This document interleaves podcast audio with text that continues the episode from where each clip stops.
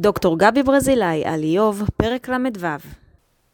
בניגוד למענות של ראי איוב ההולכים ומתקצרים מסיבוב לסיבוב, נאומיו של אליהו הולכים ומתארכים עד לנאום האחרון שמשתרע על שני פרקים שלמים, פרקים ל"ו ול"ז.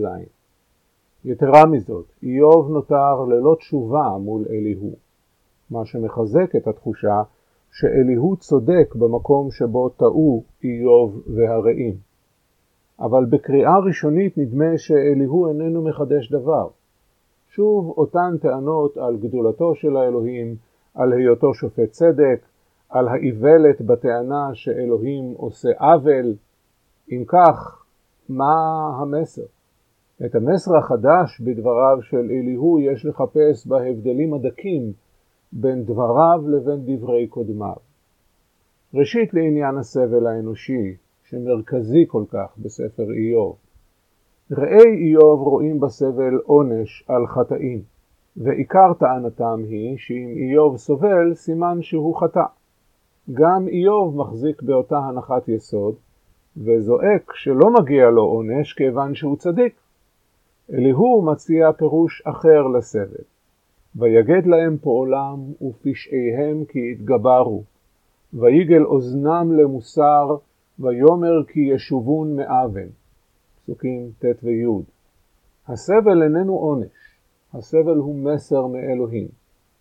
אלוהים מנסה את האדם ומפנה את תשומת ליבו לדרכים שראוי לחיות בהן.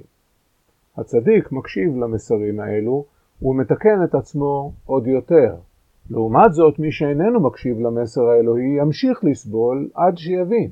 שנית, בניגוד לתיאורי עוצמת האלוהים כבורא העולם, שמאפיינת את ספרות החוכמה כולה ואת ספר איוב בתוכה, אליהו מציג את עוצמת האלוהים כמוריד הגשם, פסוקים כ"ו עד ל"ג. בכך מתחבר אליהו אל המסר התורתי המופיע בייחוד בספר דברים, פרק י"א, וגורס שהגשם הוא מסר אלוהי לבני האדם.